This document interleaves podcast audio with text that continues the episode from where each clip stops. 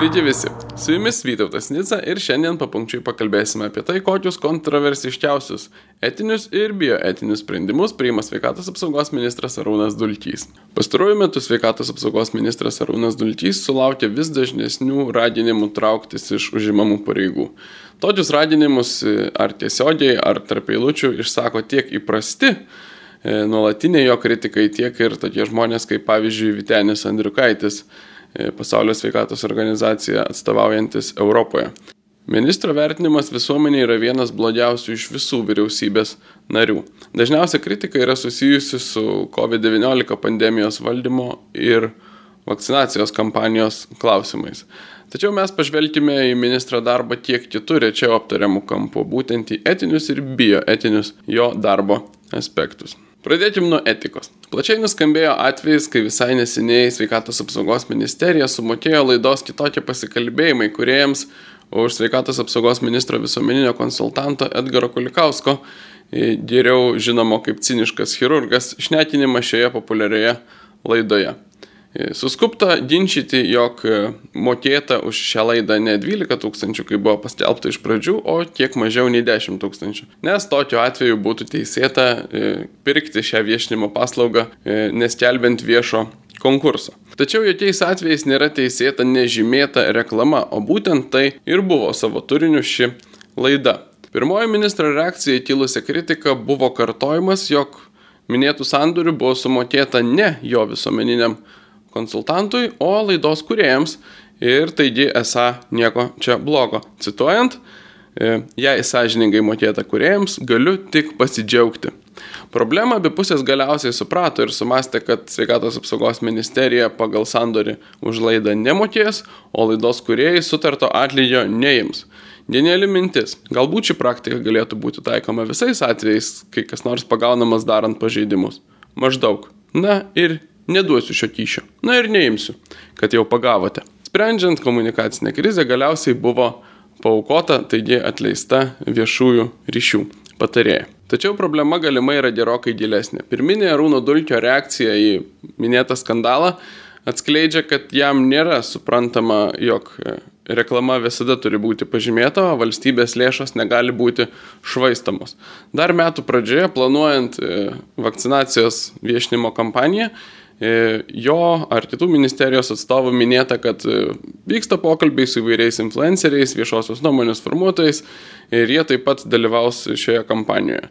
E, nieko konkretaus nėra žinoma apie tokias sutartis, tačiau mes matėme tikrai ne vieną nuomonės formuotoją pasisakant vakcinacijos klausimais, pasisakant tą patį, ką kalba ir sveikatos apsaugos ministerija, pasisakant neretai profesionaliai nufilmuotose klipuose, kaip pavyzdžiui Agnės Įdėlavičiūtės atveju, ir yra visiškai pagrista įtarti ir klausti, ar tik tai nebuvo nežymėta sveikatos apsaugos ministerijos užsakyta reklama. Pabrėžtina žodis čia yra užsakyta, nes būtent svarbu yra ne tai, ar buvo sumokėta ar nesumokėta už tokius pasisakymus, svarbu, ar jie buvo derinti su kažkokia trečia šalimi, kurios interesus tie pasisakymai atitinka. Šiandien būtų prasmingas tyrimas, kiek tokios nežymėtos reklamos sveikatos apsaugos ministerijos užsakymų yra paskelbę Lietuvos influenceriai. Jo labiau, kad e, tas pats e, kitokių pasikalbėjimų laidos kuriejas yra viešai pripažinęs, jog nuolatos e, sulaukia finansavimo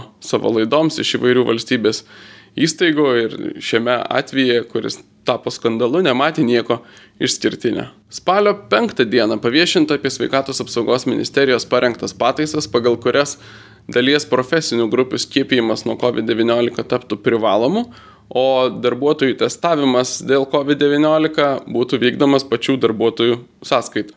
Pirmuoju sprendimu radikaliai keičiama Lietuvoje likščiol galiojusi pamatinė nuostata, jog žmogaus asmuo yra neliečiamas Ir bet kokie tyrimai ar gydimas yra galimas tik su laisvu paties paciento sutikimu. To reikalauja Lietuvos ratifikuoto žmogaus teisų ir biomedicinos konvencijos penktas straipsnis ir bent keli nacionaliniai teisės aktai - civilinio kodekso 2.25 straipsnis, pacientų teisų ir žalos veikatai atlyginimo įstatymo 14 straipsnis, žmogaus užkrečiamųjų lygų profilaktikos ir kontrolės įstatymo 11 straipsnis ir taip toliau.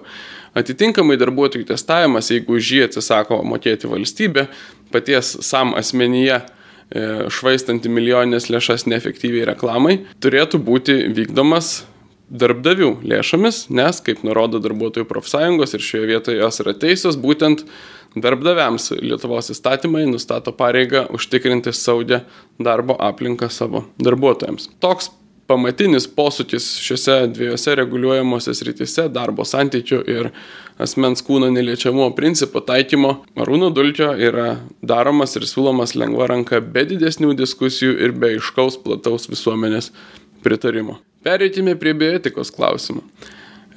Spalio pirmą dieną sveikatos apsaugos ministerija užregistravo siūlymą įteisinti Lietuvoje surogatinę motinystę.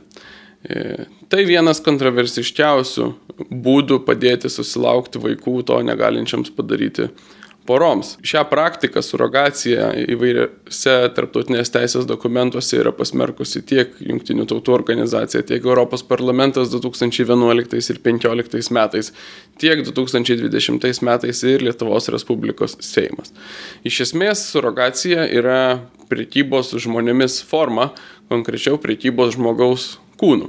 Pagal žmogaus teisų konvenciją negalima jokia prekyba žmogaus kūno dalimis arba pelnimasis iš žmogaus kūno. Surogacija smerkiama nepriklausomai nuo to, ar už ją yra atsiskaitama pinigais, ar jie vykdoma taip vadinamų altruistiniais pagrindais, tai yra neva neatlygintinai, nes bet kuriuo atveju ji sukuria e, asimetriškus galios santykius ir vienas iš žmonių yra išnaudojamas negalėdamas iš anksto įvertinti visų padarinių savo šioje situacijoje. Bet Arūnas Dultys kaip bioetikos ekspertas lengva ranka registruoja tokį siūlymą kaip naują normą Lietuvos įstatymuose. Kartu spalio pirmą dieną užregistruotos ir pagalbinio apvaisinimo įstatymo pataisos, liberalizuojančios e, šią sritį reguliuojančias normas. Dabartinis įstatymas e, įpareigoja saugoti embrionus neribotą laiką, tuo tarpu Arūnas Dulčiai siūlo nepanaudotus embrionus sunaikinti. Būtent šis embrionų saugojimo ar naikinimo klausimas buvo pagrindinė vieta, kurioje e, susikirto skirtingos stovyklos priimant e, pagalbinę paisinimo įstatymą praėjusią Seimo kadenciją. Tačiau nemažiau įdomus ne tik šis klausimas, tačiau ir tai, kad dulkio siūlomos pataisos leistų pagalbinio vaisinimo prašyti ne tik susituokusiems ar partnerystės įteisinimo atveju partneriams, tačiau apskritai bet kurioms e, sugyventinių poroms. Likšalinis ribojimas tik su toktiniais remiasi geriausiais vaiko interesais. Statistiškai akivaizdu ir galioja įvairiose šalise. Faktas, kad e, vaikams geriausia, stabiliausia aplinka aukti yra santokoje ir būtent augantys santokoje vaikai e, gauna geriausias sąlygas savo vystimuisi, demonstruoja geriausius karjeros, psichologinės veikatos, stabilių santykių kūrimo ir kitus rezultatus. Jeigu pora nori pasinaudoti įsivaikinimo galimybę, niekas jai netrukdo ir nedraudžia prieš tai įsipareigoti vienas kitam ir užtikrinti bent jau intenciją E, tokias sąlygas busimiems vaikams sukurti. E, įvairių LGBT reikalavimų kontekste siūlymas leisti dėl pagalbinio paisinimo kreiptis tiesiog su gyventiniu poroms, nors dabar siūlomas tik vyrų ir moterų poroms, lengvai galėtų būti taikomas ir vienalytėms poroms. Tarptautinės teisės požiūrį tiesiog pripažįstant, kad e, sąlygos ne vienalytėms poroms diskriminuotų vienalytės poras, o to negali būti. Tas jau buvo pritaikyta ES kontekste partnerysčių atveju, kai įvairioms šalims įteisinus tik vyro ir moters partnerystę, Europos žmogaus teisų teismas pripažino, kad ji privalo būti įteisinama ir vienalytėms poroms. Santokos atžvilgių tokios normos kol kas dar nėra. Kiek seniau, rūpjūčio 6 dieną, Rūnas Dultys užregistravo, leiskite perskaityti lyties tapatumo sutrikimo diagnostikos ir gydimo tvarkos aprašą. Jame, nors tai pripažįstama sutrikimu, e, lyties tapatumo sutrikimą siūloma gydyti, kabutėse, e, lyties keitimu E, medicamentiniu lyties teikimu ir nustatoma e, to teisinė tvarka. Nors Lietuvos civilinis kodeksas e, numato, kad tokią tvarką, jeigu lyties keitimas būtų įteisintas, galima nustatyti tik įstatymę, o ne ministro įstatymę. Daug svarbiau yra ne šis formalumas, bet pats principinis lyties keitimo vertinimas. Daugybė tyrimų rodo, jog nuo lyties tapatumo sutritimo kenčiantiems asmenims visiškai nepadeda jų fizinės lyties pakeitimas E, lyti pateitę žmonės e, kenčia nuo depresijų ir žudosi daugiau faktiškai už visas kitas visuomenės grupės. Ir tas matyti net ir pačiose tolerantiškiausiose jiems visuomenėse, kaip kad šiaurės šalis - Švedija, Suomija ir panašiai. Bet Arūnas Dulkys, kaip bioetinių klausimų ekspertas, siūlo būtent tokį sprendimą lyties tapatumo sutrikimo e, kamuojamiems asmenims padėti. Kišimasis į biotinius klausimus Arūnui Dulčiui tikrai nėra jokia naujiena. Dar savo kadencijos ministro pareigose pradžioje Arūnas Dulčys e, pasirašė įsakymą, kuriuo e, nurodė finansuoti e, kontraceptinių hormoninių spiralių nepilnametėms paauglėms dalinimą. E, tai apskritai nemažas posūkis Lietuvoje šio klausimo reguliavime, nes iki šiol jokia kontracepcija jokioms visuomenės grupėms Lietuvoje nebuvo finansuojama valstybės. Ankstesnis sveikatos apsaugos ministras Aurelijus Veryga, nors ant jo stalo taip pat buvo šis klausimas, galiausiai atsisakė pasirašyti tokį įsakymą, įsiklausęs į visuomenininkų kritiką. E, ta kritika gana paprasta. Tiek e, konkrečiai įteisintų medikamentų saugumas nėra patvirtintas patikimais tyrimais, tiek ir apskritai pasiekmes e, kontracepcijos dalinimo paaugliams yra itin kontroversiškas klausimas. Kontracepcinių spiralių įteisinimas ir jų dalinimas paaugliams grindžiamas tuo, kad esą Lietuvoje egzistuoja plačiai paplitusi paauglių neštumo problema, nors yra itin lokali socialinės rizikos šeimose. E, tuo tarpu Lietuva apskritai yra žemo paauglių lytinio aktyvumo šalis, čia yra atliekama mažai paauglių abortų ir bendra tendencija pasaulyje yra, jog būtent pradėjus dalinti kontracepciją paaugliams, auga tiek jų lytinis aktyvumas, tiek ir abortų skaičius. Kas yra logiška, nes sukuriant e, apgaulingą neva tai saugumo jausmą, yra paskatinama praktikuoti tai, kas tuo pačiu metu pristatoma kaip pavojinga veikla. Galima tikėtis, kad jeigu šiuo dulkio įsakymu dėl valstybės kompensuojamų kontracepcinių spiralių Lietuvos paauglėms dalinimo e, bus plačiai naudojamasi, ilgainiui keisis ir tendencijos apie Lietuvos paauglių seksualinį gyvenimą. Bioetikos klausimai yra visiškai svetimi ministrui Arūnui Dulkiui tiek pagal išsilavinimą, tiek ir jo kaip politiko profiliui.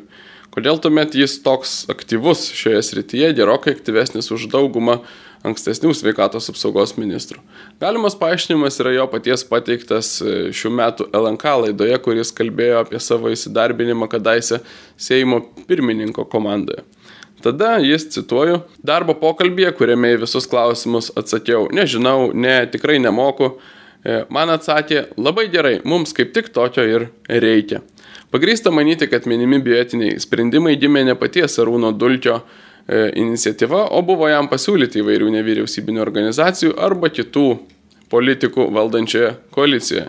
Ir čia jo nuostata, nežinau ir nemoku, e, kaip tik labai tiko paverčiant į asmenių, kuris teikia kitų siūlymus, per daug juos nesigilindamas ir neprisimdamas už juos atsakomybės. Apibendrinkime. Arūnas Dalčys greičiausiai ėjo į sveikatos apsaugos ministro pareigas tikėdamasis išvalyti ir skaidrinti šią įtinklampę ir sudėtingą sritį, tačiau to padaryti nepavyko. Nebuvo netikėta, kad COVID-19 valdymas ir vėliau visuomenės vakcinacija tapo pagrindiniu jo veiklos klausimu ir jo darbą jo darbo vertinimą nulemenčių kriterijumi. Įvairiausių pažiūrų ekspertai šiandien mano ir skaičiai gan aiškiai liudija, kad jam to padaryti nepavyko. Pagal susirgymų skaičių pirmaujame ES, nepaisant e, toli gražu neatsilikusios vakcinacijos kampanijos, tuo pačiu metu sugebėta visiškai supriešinti visuomenę būtent vakcinacijos klausimais, nors būtent tos visuomenės grupės, kuriai labiausiai reikėjo skiepų nuo COVID-19, tai yra vyriausių šalies gyventojų, suskiepyti taip ir nepavyko. Iš kokio taško bežiūrėsi, kurią poziciją be palaikysi e, skiepų klausimais, Arūnas Dulkys nesugebėjo gerai pasielgti ir pasiekti tinkamų rezultatų, žiūrint iš įvairiausių vertinimo taškų. Jeigu COVID-19 valdymas yra pagrindinis Arūno Dulkio darbo vertinimo kriterijus, trauktis iš pareigų jam reikia be jokios abejonės. O jeigu į bendrą paveikslą pridėsime ir e, neskaidraus lėšų švaistimo bei e, bioetinius klausimus, trauktis reikia ir kuo greičiau. Tiek šį kartą apie Arūną Dulkį, jo etiką ir bioetiką. Ačiū visiems žiūrėjusiems, e, ačiū tiems, kas prenumeruojate mūsų laidas ir remete ją. Galite tą padaryti po laida suradę nuorodą, e, kurioje galite tapti mūsų remėjų, taip pat ir prenumeratorium. Padarykite tai, prisidėkite prie mūsų bendruomenės, tuo tarpu dėkoju ir turiu sudėjau.